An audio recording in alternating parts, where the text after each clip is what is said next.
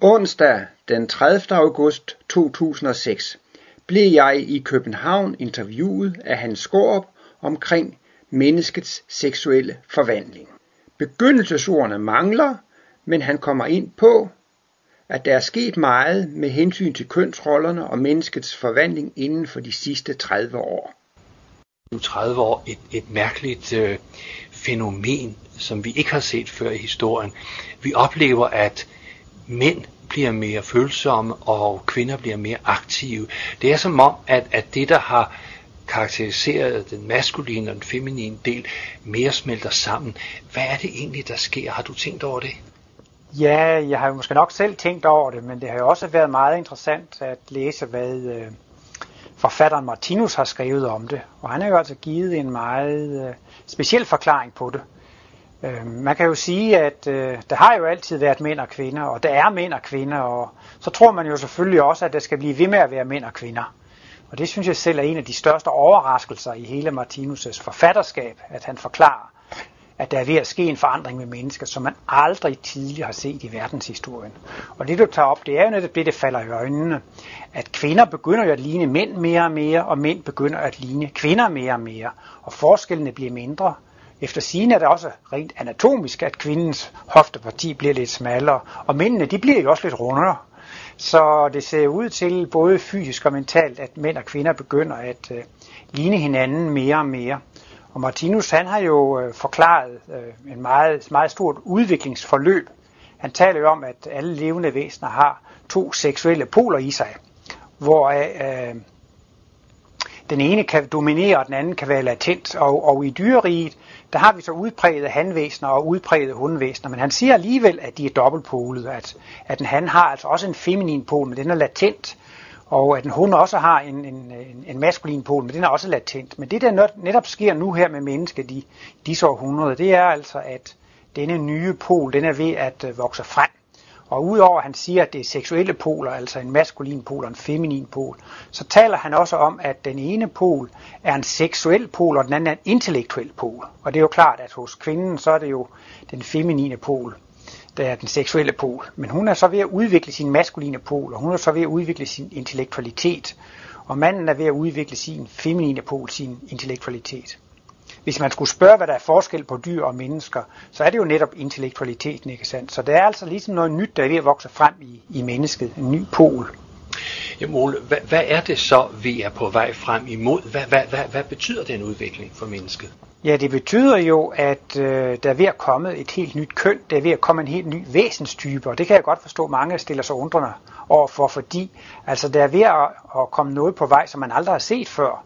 Og øh, det, der altså er ved at ske, det er det, der bliver lavet et ny, en nyt mennesketype, som er dobbeltpolet. Og det vil så altså sige, at øh, det har en helt ny sympati nye sympatianlæg. Normalt er det jo sådan, at man øh, har størst sympati for det modsatte køn, og der er Martinus så inde på, at efterhånden som den nye pol vokser frem, altså efterhånden som den maskuline pol vokser frem i kvinden, så begynder hun også at få sympati for sit eget køn, og efter som mandens feminine pol vokser frem, begynder han også at få mere sympati for mænd. Man kan sige, at enpoligheden, det er krigens anatomi. Jeg tror nok, der kommer en bog efter 2. verdenskrig, der hed Fredens anatomi. Så derfor bruger jeg tit udtrykket, at enpoligheden det er krigens anatomi, fordi at den største lys, man kan opleve som enpolet væsen, det er jo i den seksuelle forening med en, med en partner, og derfor bliver det jo en kamp og en rivalisering om det modsatte køn. Og man må jo også sige, at man er i højeste grad partisk, når man foretrækker et køn frem for det andet køn. Hvis man skulle virkelig tale om næstekærlighed og alkærlighed, så må det jo være en helt upartisk kærlighed. Hvis det er forældre, der har børn, så er det jo glimrende, at de, de elsker børnene. Men hvis der er et, børn, som, et barn, som de ikke synes om, så er det jo meget traumatisk for det barn, som ikke får sympatien. Så derfor er det altså ikke særlig gunstigt med en partisk øh, sympati. Det er dejligt for dem, der går ud over, så at sige, men det er jo et stort traume for dem, der ikke oplever det. Så derfor kan man altså sige, at dobbeltpoletheden, det er altså kærlighedens anatomi. Det er altså der, hvor man kan have lige stor øh, sympati for, for begge køn. Og derfor kan man så sige, altså, at, øh, at alle kærlighedens eller næstekærlighedens organiske struktur, det er en maskulin pol og en feminin pol i ligevægt. Ja, for jeg har jo tit, eller jeg kan også huske, at jeg som barn undrede mig over, at mænd havde brystvorter, for eksempel. Fordi dem havde de jo ikke noget at bruge til, ikke? Og man kan jo også sige, at kvinder har jo også et hvad skal man sige, et fragment af en penis, de har en klitoris, ikke sandt? Og det er jo altså den sovende, hvad kan man sige, den sovende mand og den sovende kvinde, altså vi der har. Jo, det kan man sige, altså på en måde er der jo ikke så stor forskel på mand og kvinde. Hvis man vil gå videre, kan man også sige, at æggestokken og testiklerne minder jo også meget om hinanden, og, og man må jo også sige, at nu om dagen er det jo også mange børn, som bliver født med så at sige tvivlsomt køn. Altså der er jo nogle gange hos drenge, at, at testiklerne ikke går ned i pungen og bliver siddende i buhulen, og så kan det jo minde meget om, øh, om ovarier eller æggestokke. Og lige sådan kan det også være en lille penis og en stor klitoris, så øh, i virkeligheden er der jo ikke så stor forskel på, på, på mand og kvinde.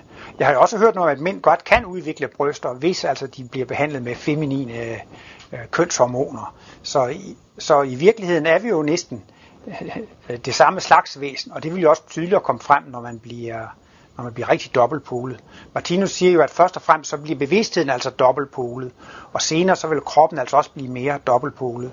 Ikke det, at man skal blive androgyn og både have maskuline og feminine kønsorganer, men snarere det, at at øh, kønsorganerne, både hos mand og kvinden, begynder at degenerere. Det bliver lidt mere rudimentært. Men det ligger nu langt ude i fremtiden.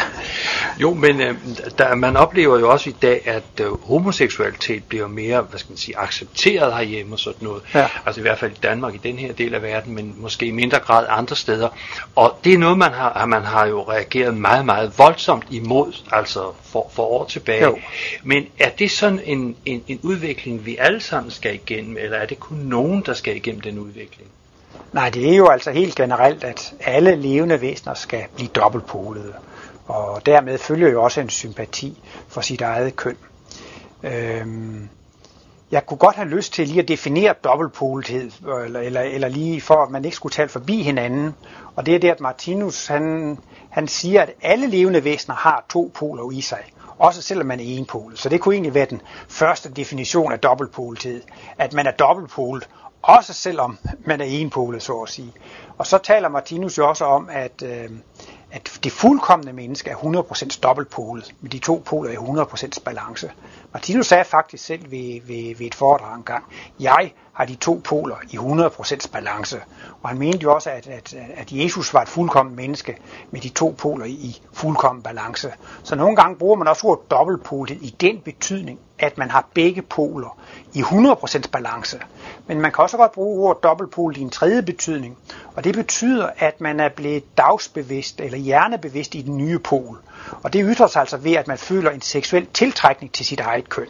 Så første gang man øh, måske sådan helt spontant eller medfødt føler en, øh, en seksuel tiltrækning til sit eget køn, så er der altså tale om, at den nye pol, som man tidligere ikke har været øh, bevidst i, den er nu nået op i, i dagsbevidstheden. Martinus bruger sådan en øh, analogi med, at øh, mødomshinden, det er en beskyttelse for den lille pige mod seksuelle overgreb. Og sådan kan man også sige, at mennesket har altså også en slags åndelig mødomshinde om den nye pol. Altså kvinden har altså en mødomshinde om sin maskuline pol, og manden har også en slags mødomshinde om sin feminine pol, og den skal så helst ikke gennemtrænges for tidligt. Men på et eller andet tidspunkt, så, så brister altså denne, denne hende, og så bliver man altså dagsbevidst i øh, den modsatte, i, i den modsatte pol. Og øh, det er en helt naturlig proces, og man kan sige altså, at alle mennesker skal blive dobbeltpolet. Alle mennesker skal blive alkærlige, og øh, man, et enpolet menneske kan ikke være alkærligt, fordi det vil altid have mere sympati for det modsatte køn end for sit eget køn. Så det er altså en organisk umulighed for det enpolede menneske at leve op til næstekærlighedsbuddet eller, eller være alkærlig. Så altså, man kan kun blive alkærlig ved at have de to poler i balance, og det skal alle mennesker blive. Og Martinus taler jo også om, at vi på et tidspunkt skal få kosmisk bevidsthed, en meget høj bevidsthedstilstand, og den får man kun, når man er dobbeltpolet. Det er kun dobbeltpolede mennesker, der kan få kosmisk bevidsthed. Mænd kan ikke få kosmisk bevidsthed, og kvinder kan ikke få kosmisk bevidsthed. De skal altså først være dobbeltpolede.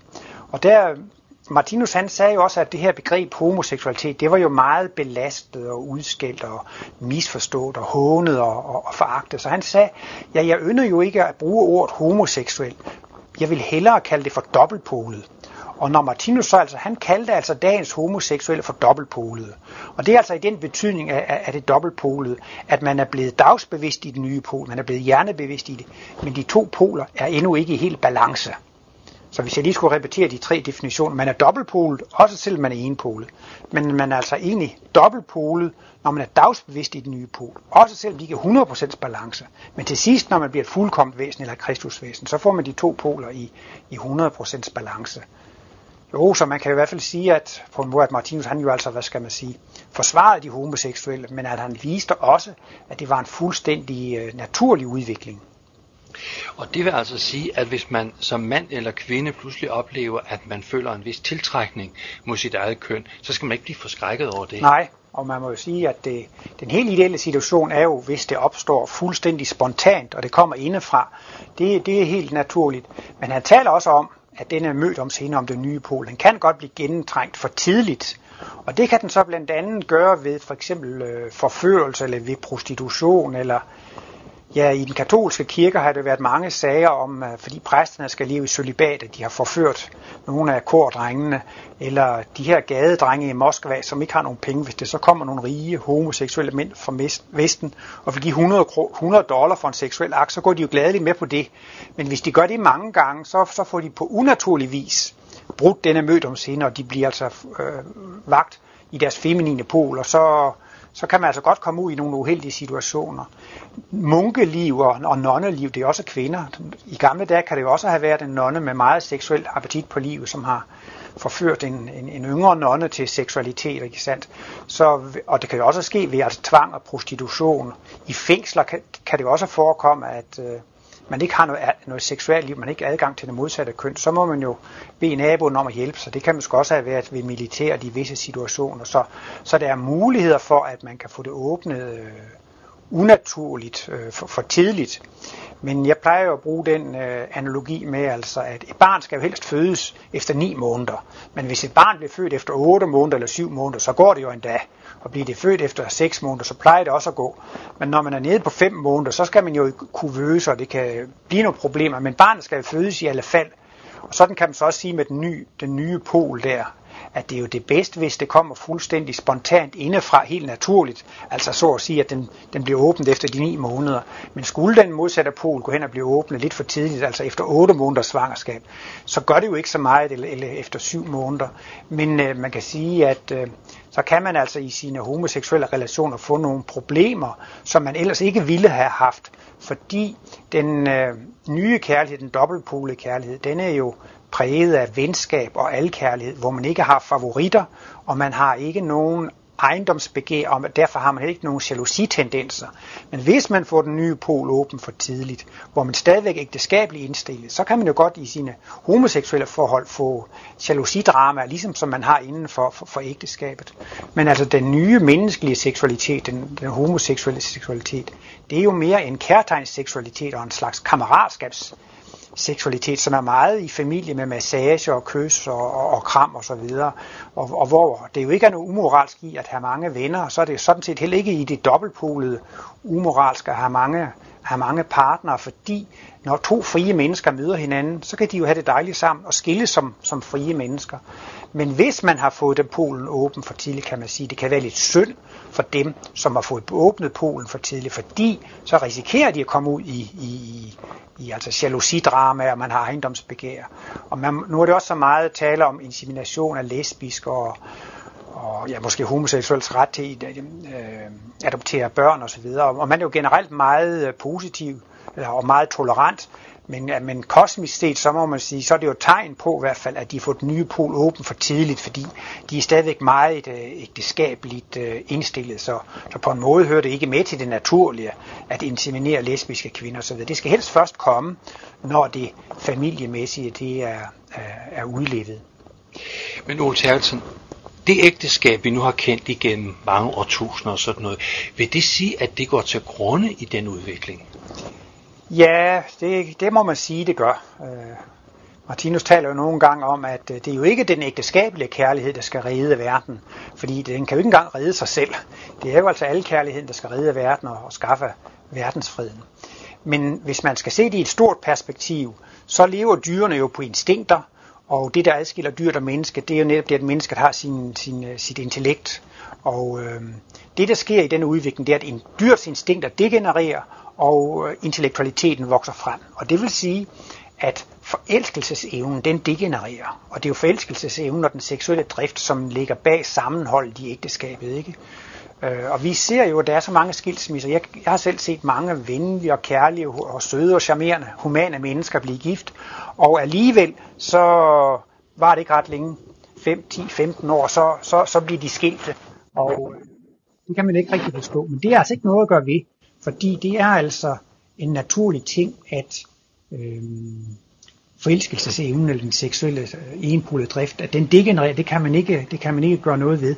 Så derfor bliver altså ægteskaberne meget øh, svækkede.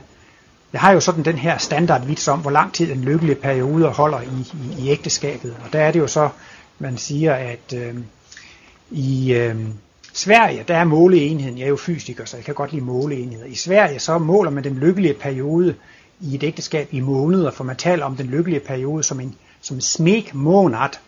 Og øh, på tysk, der er måleenheden uger, der taler man om Flitterwoche. Men danskerne, de er dem, der er mest degenereret, for der taler man kun om hvedebrødsdage, så der er måleenheden for den lykkelige periode, altså, altså dage.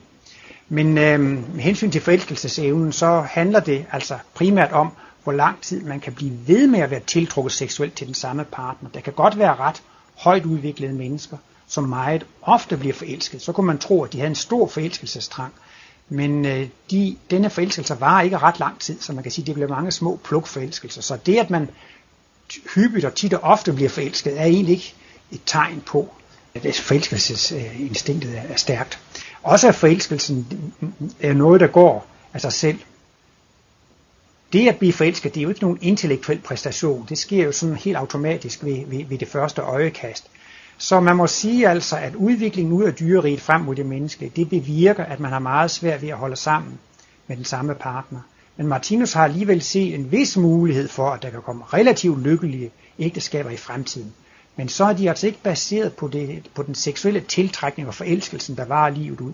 Så er den mere baseret på, at de to partnere får et interessefællesskab, og de er lojale over for hinanden, og de faktisk har udviklet en ny human kærlighed. De kan begynde at blive så humane, at de siger, jamen, øh, øh, at øh, de koncentrerer sig mere om, hvad skal jeg gøre for at gøre den anden glad, i stedet for at opfylde mine egne behov. Og hvis så begge har den indstilling, så kan det endda blive meget lykkelige ægteskaber. Men Martinus kalder det alligevel skinneægteskaber, fordi et ægteskab, det bør altså være, øh, være øh, bundet sammen af, af, af seksualitet og forelskelse. Jeg hørte, at Martinus hørte om et ægtepar, som ikke har haft noget seksuelt samliv i 20 år, hvor han spontant sagde, jamen så er det jo ikke noget ægteskab. Men Ole, øh, nu spørger jeg dig som kemiker. Øh, den gammeldags forelskelse øh, mellem den rigtige mand og den rigtige kvinde i gammeldags forstand, er det en kemisk proces, eller hvad er det, der foregår der? Jo, det er i hvert fald meget tæt på, at, at, at det er det. Det er jo fordi, at øh, den forelskelse, den bliver jo altså stimuleret af hormoner, ikke sandt? Og øh, man kan i hvert fald se, hvis man kastrerer dyrene, ikke sandt? Så har de jo ikke nogen interesser for det modsatte køn. Så på den måde, så må man jo faktisk sige, at øh, det, det er en sympati, som bliver opretholdt af kemikalier. Martinus har jo også nogle smukke vendinger. Han siger, at det er en sympati, der er opretholdt af hormoner og kirtelsekreter. Så man kan sige, at altså den sympati, den sidder faktisk lidt i kemikalierne, og man kan også se, at øh, hos de unge mennesker, ikke sandt, omkring 20 år eller sådan noget, der har jo de jo det højeste indhold af kønshormoner. Det er også der, hvor forelskelsen er stærkest, og så efterhånden som, som niveauet af østrogen og testosteron falder med alderen, så bliver forelskelserne altså også mindre. Hvorimod Martinus mener, at den nye sympati, den, den humane sympati, det er, ikke, det er altså virkelig en sympati, som sidder i bevidstheden. Så det er altså ikke så at sige en kemisk fremkaldt sympati. Så jo, man kunne næsten godt sige, at man er lidt underkastet hormonernes tyranni. Altså. Nå. Men Ole, det er jo interessant, at netop den danske filosof, forfatter Martinus har beskæftiget sig med det tema der, fordi jeg, jeg ved ingen andre, der har, øh, altså filosofer, der har, der har talt om de ting på den måde. Øhm, sætter Martinus det ind, dette, denne seksuelle polforvandling, ind i en, en større udviklingssammenhæng, eller hvordan placerer han det egentlig i sit værk? Jo, Martinus han har jo nogle meget, meget store udviklingsforløb. Han taler jo specielt om et meget stort udviklingsforløb i den fysiske verden, fra mineraler via planterige og dyrerige frem til jordmennesken og frem til, til de rigtige mennesker, hvor han forklarer, at formålet med den fysiske verden er bevidsthedsudvikling. Og øh, mineralerne har jo endnu ikke noget bevidsthed på det fysiske plan. Planterne har lidt mere, og dyrene har mere, og vi har mere end dyrene. Så, så meningen med den fysiske verden, det er udvikling, og det er udvikling af bevidsthed. Og øh, i midten af dyreriet er det, som Martinus taler om, at man har den her enpolede seksuelle tilstand, som garanterer, at man kommer til at kulminere i konkurrencer og kamp og, og jalousi. Og det er jo så øh, noget, man får nogle meget øh, værdifulde øh, erfaringer af. Og derefter så vil man jo tage afstand fra denne egoisme og kamp og krig, og man vil i den grad længes efter fred og harmoni, ikke sandt? Og det, det stræber man så efter, og, og øh, det bliver jo altså også, øh, man kan sige, at denne poludvikling er ligesom motoren i, i, i denne udviklingsproces, hvor man så gradvist bliver mere og mere øh, dobbeltpolet. Og denne poludvikling, den har altså ligesom to aspekter, man kan sige. Det har det seksuelle aspekt, men altså poludviklingen, den bærer jo altså også øh, det intellektuelle, som jeg sagde før, øh, den seksuelle pol er knyttet til kønsorganerne, og den nye pol, den er jo knyttet til, øh, til hjernen, altså til intellektualiteten. Så altså den udvikling, vi ser fra midten af dyreriet op i menneskenes rækker, det er jo, at man hele tiden udvikler sin intellektualitet. Og man kan jo sige, at altså, de meget geniale kunstnere, og videnskabsmænd og opfindere, de er jo altså meget intellektuelt udviklede, og de er derfor også meget poludviklede. Og derfor ser man det også meget ofte i geniernes rækker, at der er mennesker, som også har sympati for sit eget køn. Og der er det jo så først, at det seksuelle aspekt kommer ind i det. Det vil sige, at man kan komme meget langt frem i poludvikling, uden at være bevidst i den seksuelle side af det, netop så længe den her mødomscene, den ikke er, er, er brudt. Men jeg vil ikke mere også lige må springe tilbage til det der med, med ægteskaberne, hvor Martinus er inde på, altså at øh, der vil komme en slags venskabsægteskaber. Og øh, der kan også godt forekomme ægteskaber, hvor man faktisk er mætte af familielivet, altså mætte af det med at have børneopdragelse. Der vil ligefrem komme nogle ægteskaber, hvor mand og kvinde lever sammen og har intimt seksuelt samliv uden at have børn. Og hvis man tager, nu siger du det store aspekt, så kan man sige, at altså, de to yderpunkter i udviklingen, det er væsener, som kun er formeringsvæsener. Dyrene, de er altså formeringsvæsener. Det eneste, de skal leve for, det er reproduktionen. Når man ser dyrefilm, så handler de om, at dyrene parer sig, og at de samler mad og føde til sig selv og, og, og til afkommet. Dyrets største interesse, det er parring og mad. Og der må man så sige, altså, at de mest primitive mennesker lever altså også i en sfære, hvor det er familien, der er den helt store faktor. Og Martinus siger så, at disse mennesker, de lever i forældreglæden. Det er jo altid rart at se et resultat af det, man laver. Men så kommer der noget nyt ind. Folk kan blive glade for, at, at, at, for det, de har lavet, det, de har skabt. Og så kommer man efterhånden til mere at leve i skabeglæden.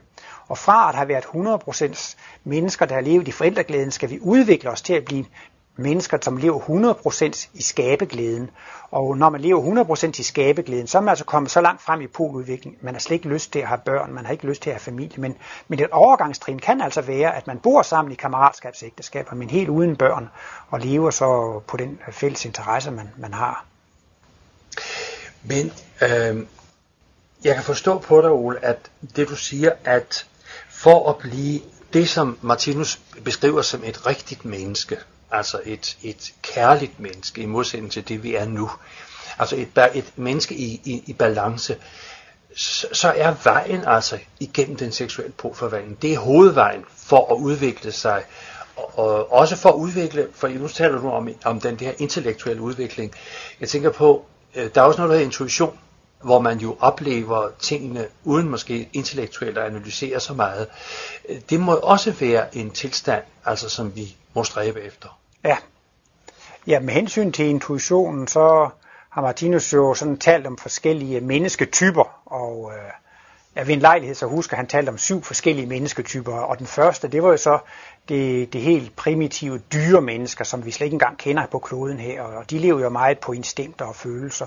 Og så kommer jo så de primitive naturmennesker, vi kender her på kloden i dag, og de har jo så fået lidt mere, lidt mere følelser og lidt mere intelligens. Og så den tredje mennesketype, han talte om, det var de religiøse mennesker. De har fået udviklet meget følelser og blevet meget følsomme. Og så den fjerde type, han talte om, det var materialisten.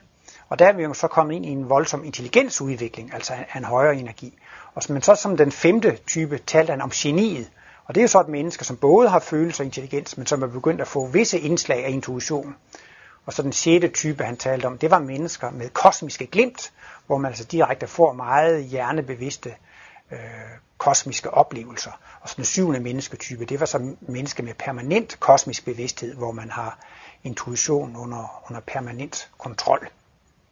Men Ja, men, men, men, men øh, kosmisk bevidsthed og intuition, er det ikke forbundet på en eller anden måde? Jo, det må man jo sige. Det er jo sådan set det samme. Martinus forklarer jo selv, at han havde en fuldt udviklet intuitionsevne, som gjorde, at han havde adgang til al viden i universet. Altså intuitionen er ifølge Martinus en sanseevne. Og her på jorden, så kender vi den jo kun lidt. Man kender de første symptomer i form af stærke inspirationstilstande. Man kan få, men Martinus taler så også altså om, at man kan få kosmiske glimt, øh, som blandt andet er, øh, ja, det er nogle meget stærke oplevelser. Det det, det er forbundet med en meget stærk lysoplevelse, sådan en, en individuel ild, man oplever. Øh, Martinus talte jo selv om, at han oplevede den øh, gyldne ilddåb og den hvide ilddåb, og da Paulus fik sit kosmiske glimt, var det også noget med, at det faldt ildtunger ned fra, fra himlen, og Moses fik åbenbart også, da han så tørnebusken brænde, og, og derudover får man jo en vældig oplevelse af lykke og glæde. Det er en meget salig oplevelse. Men det, der så er kernen i det, det er, at man også får en intellektuel oplysning, som man ikke ville kunne have fået af, af anden vej. Altså man får en, en viden, og øh, Martinus taler også om, at specielt er intuition karakteriseret ved, at man får færdig viden, man får helheder, man får sammenhænge, og man får faciter og principper. Men det kan jo også ses hos visse kunstnere, som har intuitive oplevelser, at de får altså i, i glimtoplevelse. Det er måske kun en inspiration, et forløbssymptom, men alligevel. Altså jeg har da hørt, at Mozart i løbet af nogle få sekunder kunne opleve, hvordan et helt orkesterværk skulle være, og så kunne du måske tage et halvt år og skrive alle noderne ud. Jeg har også hørt om ham, Richard Bach, som har skrevet Jonathan øh, Havmågen, Jonathan Livingston Havmågen, at han også fik faktisk en kosmisk oplevelse, da han gik på stranden. Og han oplevede i sådan et glimt faktisk det udviklingsforløb, som er omtalt i den fysiske verden, at man udvikler sig igen den fysiske verden fra primitivitet til fuldkommenhed. Og så fik han, da han så var flyver, fik han ideen til at, at lave en bog eller en film med en måge som en hovedperson. Jeg synes, det var da tosset. Hvordan kan man lave en film med en måge som hovedperson? Men den starter jo på losserpladsen, og så udvikler den sig frem til fuldkommenheden og får en fuldkommen bevidsthed. Til sidst kunne mågen jo også ligefrem materialisere sig og dematerialisere sig.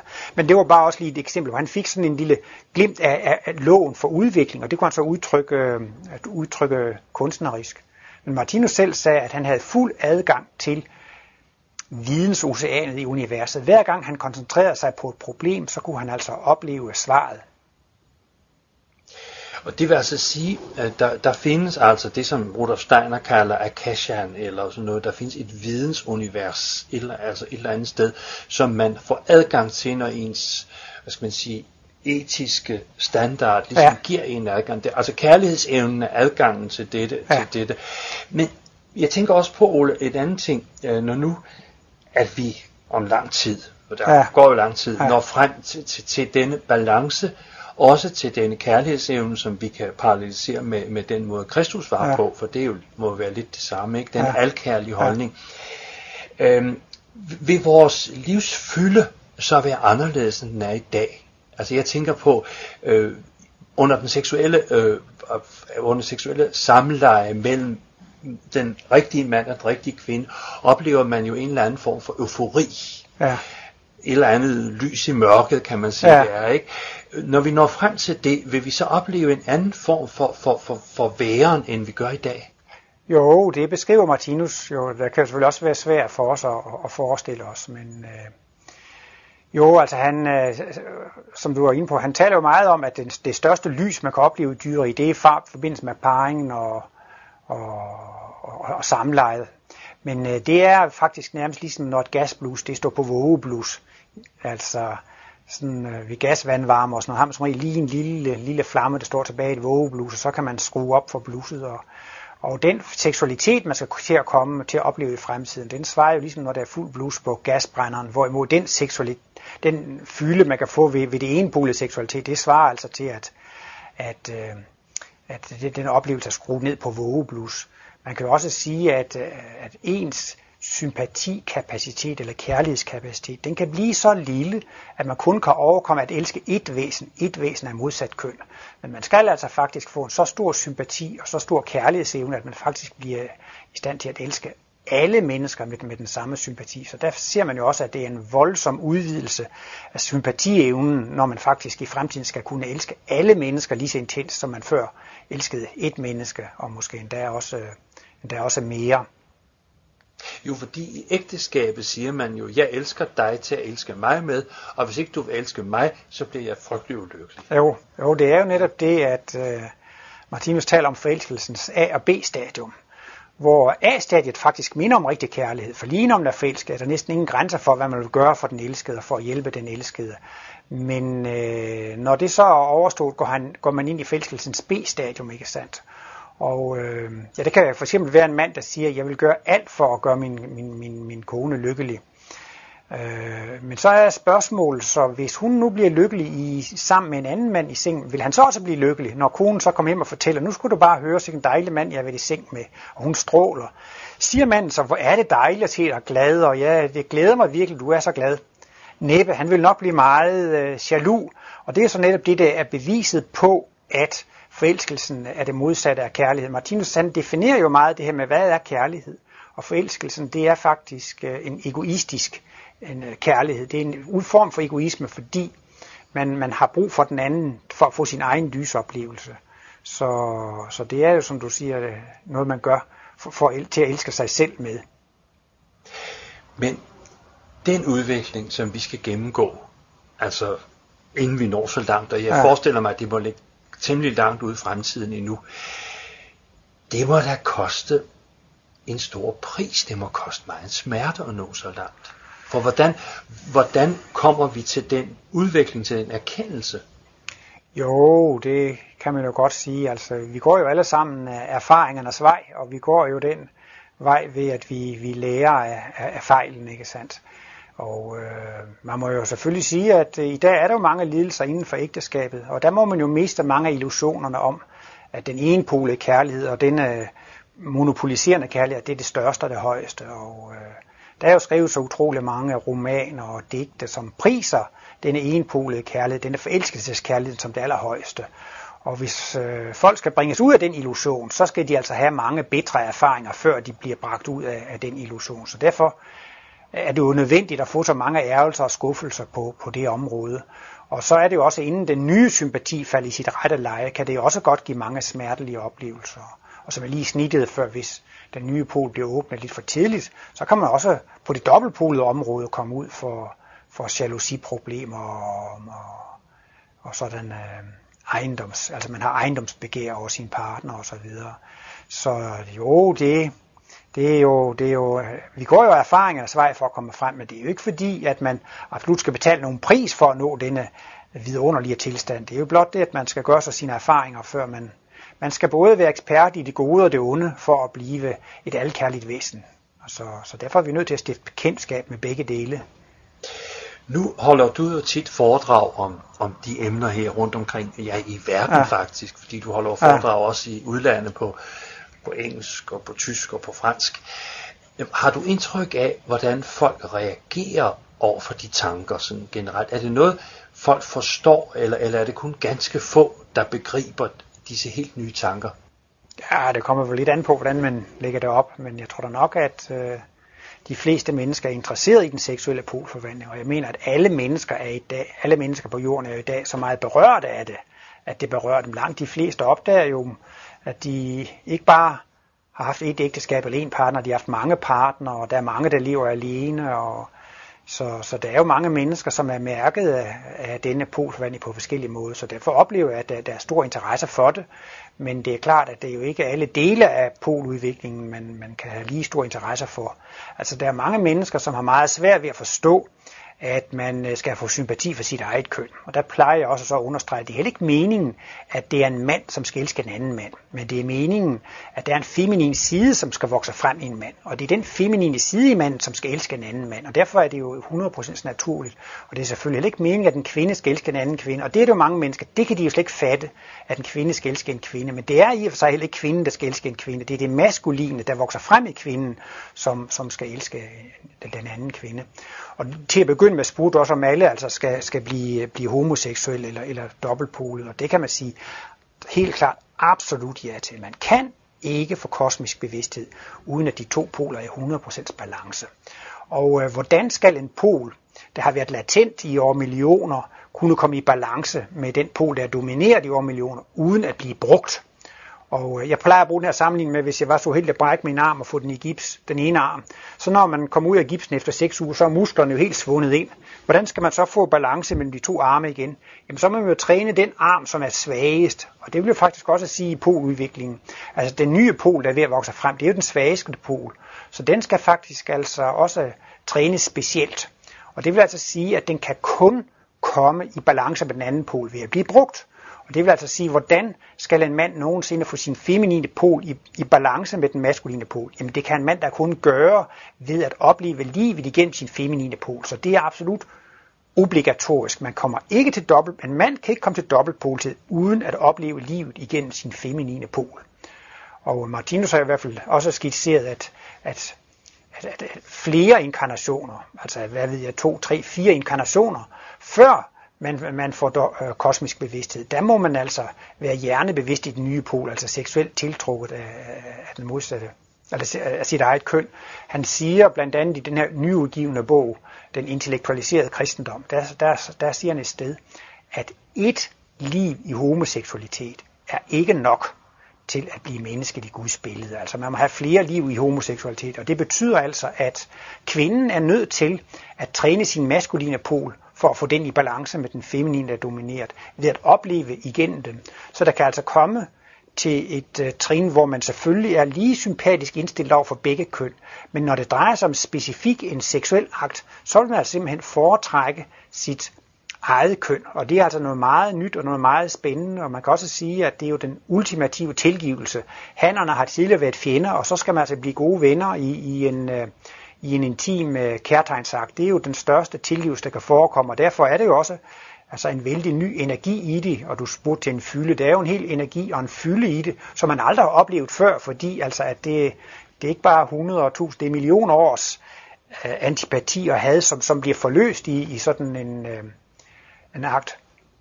Men det, det, det homoseksuelle er jo meget øh, forfulgt, fordi at offentligheden som regel kun ser det afsporede. Altså hvis nu man hvad ser man i fjernsynet og radioen, når der er gay parader i gaden, så er det jo tit mænd, der er klædt ud som kvinder, og det er med læder og metalnitter og ja, altså mænd, der er udklædt i kvindetøj, og folk får sådan en, en, en mærkelig øh, forståelse af det. Og der er det så, Martin forklarer, at den, den, den der poludvikling kan godt blive afsporet.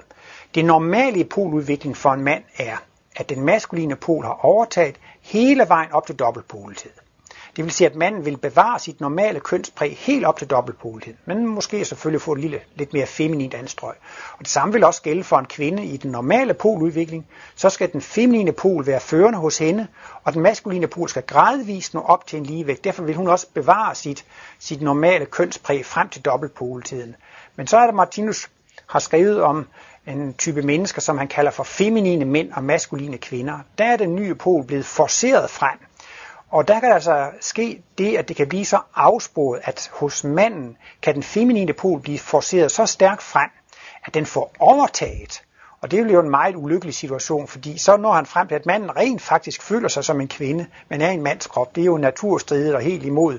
Og hvis man lever et liv eller flere liv i den tilstand, så kan det jo også komme til kønsoperationer, og man bliver kønsforvirret, og, og, og, og lige sådan kan det, kan der, sætter det sig jo også sit rent anatomiske præg, at, at, at, at øh, mænd, hvor den feminine pol er blevet førende, kan få meget høj stemme og ringe skægvækst og meget feminine bevægelser, ligesom også for kvinder, at øh, de kan blive meget maskulint, øh, også i, i, i det fysiske udseende, hvis den tager overhånd. Og øh, der har Martinus også forklaret, altså i, i meget ulykkelige tilfælde for maskuline mænd og feminine kvinder, nej undskyld, feminine mænd og, og maskuline kvinder, så kan det lige frem til sidst føre til sådan en slags nervesammenbrud øh, en feminin mand for eksempel, hvis han skulle have, altså han er jo faktisk ligesom en meget feminin kvinde, og hans kønsobjekt, det er jo maskuline mænd. Og de vil i hvert fald ikke have noget at gøre med sådan en feminin mand, så det er jo meget faragteligt. Og øh, sådan en mand bliver faktisk på en måde rival til kvinderne om mændene, ikke sandt? Plus at mændene kan ikke tåle at udstå den type, så det er virkelig en meget ulykkelig situation, fordi den feminine mand har ikke nogen naturlig relation til kvinder, og har en meget dårlig relation til mænd, og, og kan i virkeligheden ikke få opfyldt ønsket om at møde sin, sin idealpartner i form af meget maskuline mænd. Og det kan altså til sidst føre til, til, til, til, til et nervesammenbrud, og Martinus siger altså, at man ligefrem kan godt få sådan en mentale kortslutninger, at man bliver født lidt, lidt, lidt, lidt som en sink eller en debil, altså at det brænder sammen. Og så kan den nye pol godt blive lukket, og så kan man komme tilbage til den normale maskulinitet igen. Men det er altså kun i meget ekstreme tilfælde. Det er det, jeg siger, hvis et barn det bliver født efter altså efter 4-5 måneder, så kan barnet jo godt dø, og så er det om igen. Ja. Og det kan altså også godt forekomme i, i poludvikling, at man kan få, få, få, få lukket. Men øh, man kan sige, det er jo ikke så farligt, at skulle man, hvad jeg siger, få den nye pol åben 5, 10, 15 inkarnationer, før man får kosmisk bevidsthed, så, så er det jo ikke noget farligt ved det. Det, man kan, det eneste, man kan sige, det kan være lidt ærgerligt, at det dobbeltpole liv, som ellers skulle være så skønt og særligt, kan blive forstyrret eller ødelagt lidt af jalousidrama og ejendomsbegær og sådan noget. Sig mig, har Martinus sagt noget om, hvor lang tid der går sådan rent tidsmæssigt, før at vi når frem til den øh, udvikling? Ja, jeg vil jo i hvert fald, altså, jeg vil jo mene, at poludviklingen er så langt fremme, for eksempel hos alle mennesker, stort set alle mennesker i Skandinavien, så det lurer lige under overfladen hos de fleste mennesker. Ikke? Der er jo i hvert fald statistikker, der viser, at det er en meget stor brøkdel af kvinder, jeg ved ikke om det er en tredjedel eller halvdelen af kvinder, viser når rundspørg, som faktisk har haft drømme, hvor de har haft sex med, med, med kvinder, eller de, de, de, de selv har haft fantasi om sex med kvinder. Ikke sandt? Derfor kan det jo godt være lang tid til, at de bliver aktive. Øh, øh, men vi må da tale om nogle tusind år i hvert fald. Ja, nu er det selvfølgelig en meget stor spredning hos, hos, hos mennesker, ikke sandt? Og for mange i dag er det jo der altså en, en realitet, ikke sandt? Altså jeg, jeg, vil, jeg vil jo ikke, øh, jeg synes ikke, man kan kalde dagens homoseksuelle for, for, for afsporet. Der er jo mange, og det er jo også det, der er jo mange mennesker i dag, som er homoseksuelle, uden folk ved af det.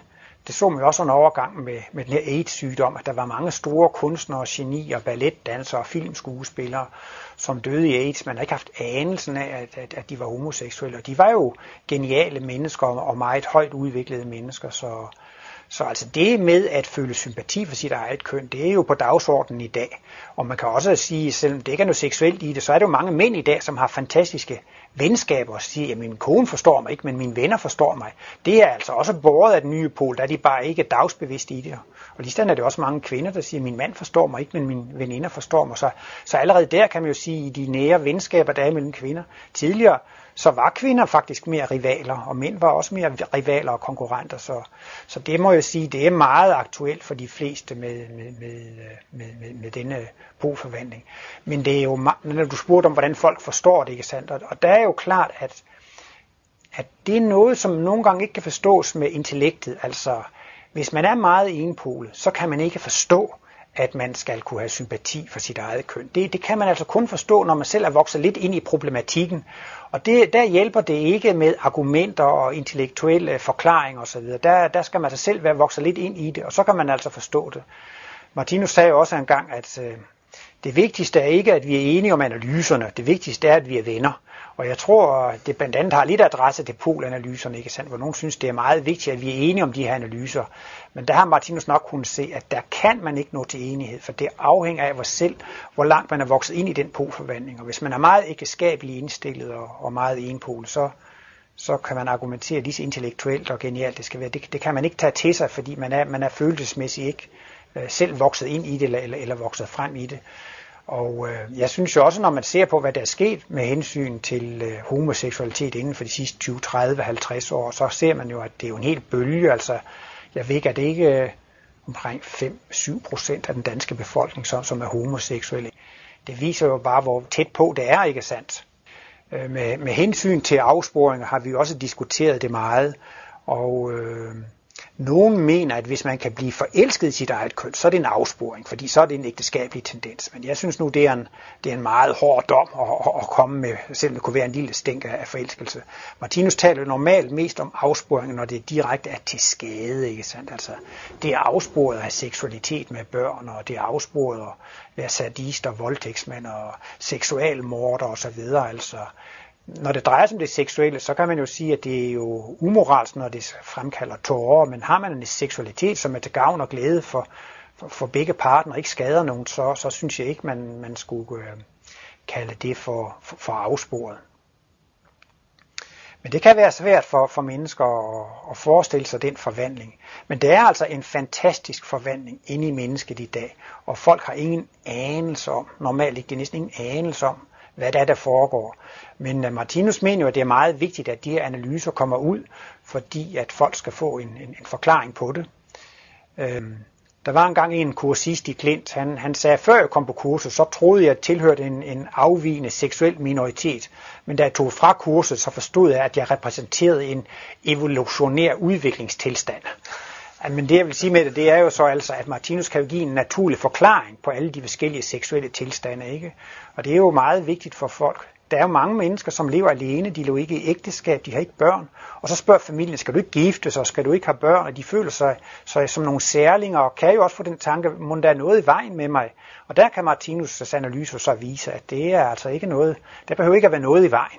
Det er simpelthen fordi, man er ved at udvikle sig fra at være et formeringsvæsen til at blive et skabevæsen eller et kreativt menneske. Man er ved at, at vokse sig ud af at have forældre, glæden som det største, og ved at vokse ind i og have skabeglæden. Og der er jo sådan nogle overgangsstadier, hvor man godt kan føle sig ret ensom. Du spurgte også, om det havde hvad for en pris, man skulle betale for at, at, at, at blive dobbeltpoler. Det er klart, at der har jo været visse stadier, hvor det dobbeltpolede menneske har været meget ensomt, og specielt jo pionererne, som var de første, der blev homoseksuelle, de, de var jo meget forfulgt og, og måtte leve alene.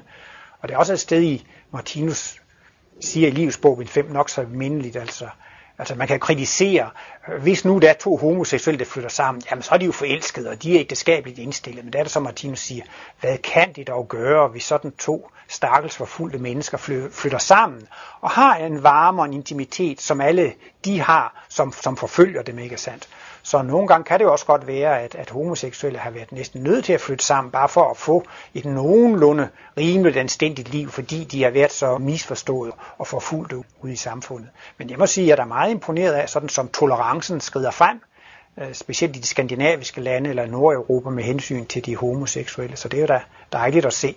Martinus forklarer jo også, at man skulle bare lige vide, hvad det er, man forfølger, når man forfølger de homoseksuelle. Fordi, som jeg sagde før, dobbeltpoletiden, det er fredens anatomi. Når den nye pol vokser frem, så bliver man altså alkærlig og næstekærlighed. Så det er i virkeligheden alkærligheden og næstekærligheden, man forfølger. Og Martinus har jo også brugt sådan et, et slags bibelsk udtryk med, at, øh, at vi skal alle sammen blive kristusvæsener.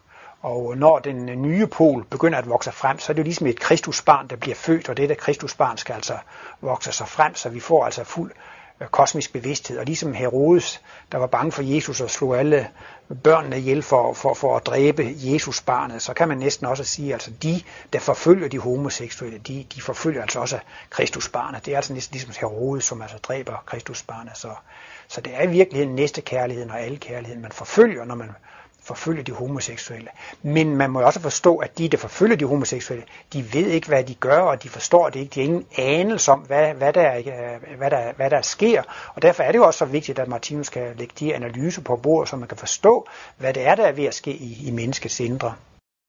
Når vi engang når frem til den der dobbeltpolede tilstand, det vil jo selvfølgelig påvirke vores måde at leve på på en helt afgørende måde. Hvordan tror du, vores samfund kommer til at se ud til den tid. Hvordan vil, vi, hvordan vil, vores, hvordan vil vores måde at være på sammen over for hinanden som mennesker? Jo, samfundet vil jo blive totalt forandret. Hvis man ser det i de store linjer, så er enpoligheden jo basis for egoismen, og det er det med at rage til sig selv, altså til familien, sit eget afkom. Og det dobbeltpolede, det er jo det, at man øh, arbejder til glæde og gavn for andre. Og i dag så lever vi jo i et samfund, som er halvt dyrisk og halvt menneskeligt. Vi lever jo i et velfærdssamfund, hvor vi har øh, sygehuse og skoler, biblioteker socialhjælp og arbejdsløshedsunderstøttelse, og vi har lovgivning, som beskytter de svage. Men samtidig så har vi jo stadigvæk nogle af de dyrske love og principper. Man taler jo meget om liberalisme og frihed. Men det betyder jo sådan set bare, at man har frihed til at udnytte de andre og udplyndre de andre. Vi har jo altså en privat kapitalisme, som, som er en stor magt, som altså øh, kan udnytte de svagere stillede, ikke sandt? Så, så Martinus har jo skrevet en hel masse analyser om øh, forretningsprincippet, og han øh, lægger ikke fingrene imellem og kalder det altså kamufleret røveri, og, og det er jo fordi, at det stadigvæk er meget egoistisk. Idealet i fremtiden, det bliver jo at tjene andre, at hjælpe andre, det bliver ligefrem en drift at give Jesus siger også, at ingen har større kærlighed end den, der vil give sit liv for andre. Så altså den største lykke og glæde, man har, det er at tjene og hjælpe andre mennesker. Så det bliver noget helt andet, når man skal lønforhandlinger. Nej, nej, det er alt for mig. Så meget er mit arbejde ikke værd. Så, så det er klart, at samtid, fremtidens samfund vil blive øh, præget af, at man vil tjene og give andre. Og specielt når man bliver mere dobbeltpole, så bliver man altså mere intuitiv og mere kreativ. Og man må jo sige, at kunstens væsen, det er jo at give. Tænk, hvor mange mennesker, der bliver glade over at høre Beethoven og Brahms og Mozart. De er simpelthen blevet så lykkelige. Alle de dejlige malerier, der er lavet, de kan hænge i stuer som reproduktioner. Så man må sige, at, at kunstens natur, det er at skabe noget til glæde for andre. Så den nye kultur, det bliver jo altså en gavekultur, hvor det, der er det vigtigste, er at give andre, man kommer til at leve i en, en, i en, øh, i en skabe glæde og glæden over. Martinus siger jo også et sted, at man kan kun blive lykkelig ved at gøre andre mennesker lykkelige. Men i dag tror man, at man kan blive lykkelig ved at blive multimillionær og, og få de største ejendomsbesiddelser, og få den største position og stilling osv. Så, videre. så, så der vil samfundet jo forandre sig helt anderledes. Og Martinus har også forklaret, hvordan øh, med pengenes afskaffelse, og man skal have sådan et livspas. Og, altså man vil simpelthen til sidst nå frem til et system, hvor alle jordens ressourcer bliver ligeligt fordelt mellem, mellem alle mennesker. Så, så det vil blive en helt anden verden, man vil komme til at leve i. Så det vil altså blive meget præget af, af gavekultur og kærlighed og kreativitet. Men tror du ikke også, at maskinerne til den tid vil overtage meget af, det sådan trivielle arbejde, Absolut, vi har i dag? jo. Man kan i hvert fald roligt sige, at maskinerne er vores venner. I min ungdom, der var det altid noget med, at man skulle spare penge på aviserne, og så skulle man fyre nogle typografer, og så strejkede de, og så der var en masse. Og der var jo sådan en tendens til, at man forbandede ny teknologi, fordi det betød arbejdsløshed.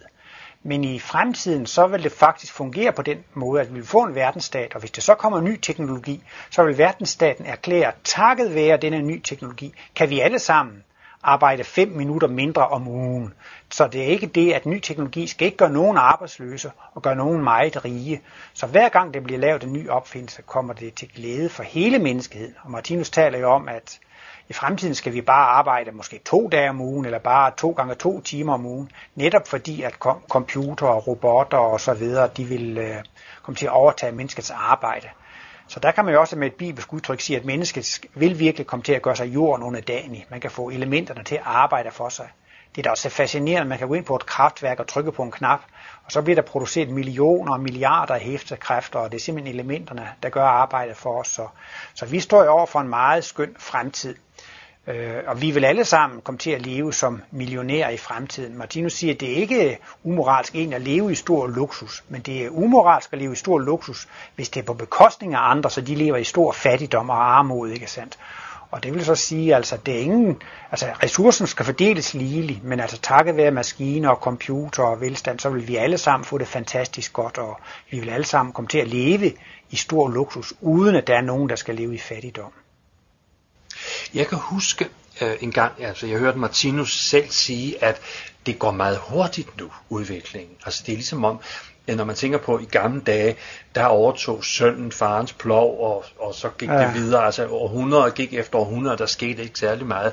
Men jeg har hørt Martinus sige en gang, at, at nu, nu går det altså meget, meget stærkt. Så det kan jo godt være, at, at det er inden for nogle tusind år, at vi kommer til at opleve det her.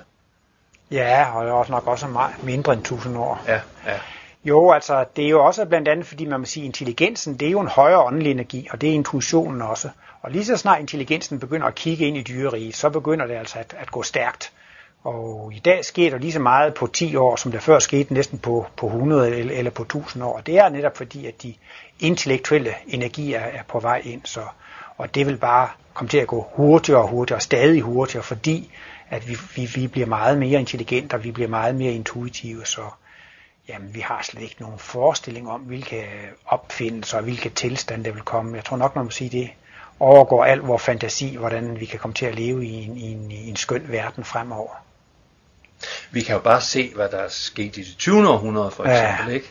Øh, og det vil jo gå langt hurtigere ja, ja, ja, til den tid. Jo. Jamen Ole, øh, tak for samtalen, øh, det, og tak for, for disse meget øh, smukke fremtidsudsigter. Ja, ja, Selv tak, selv tak.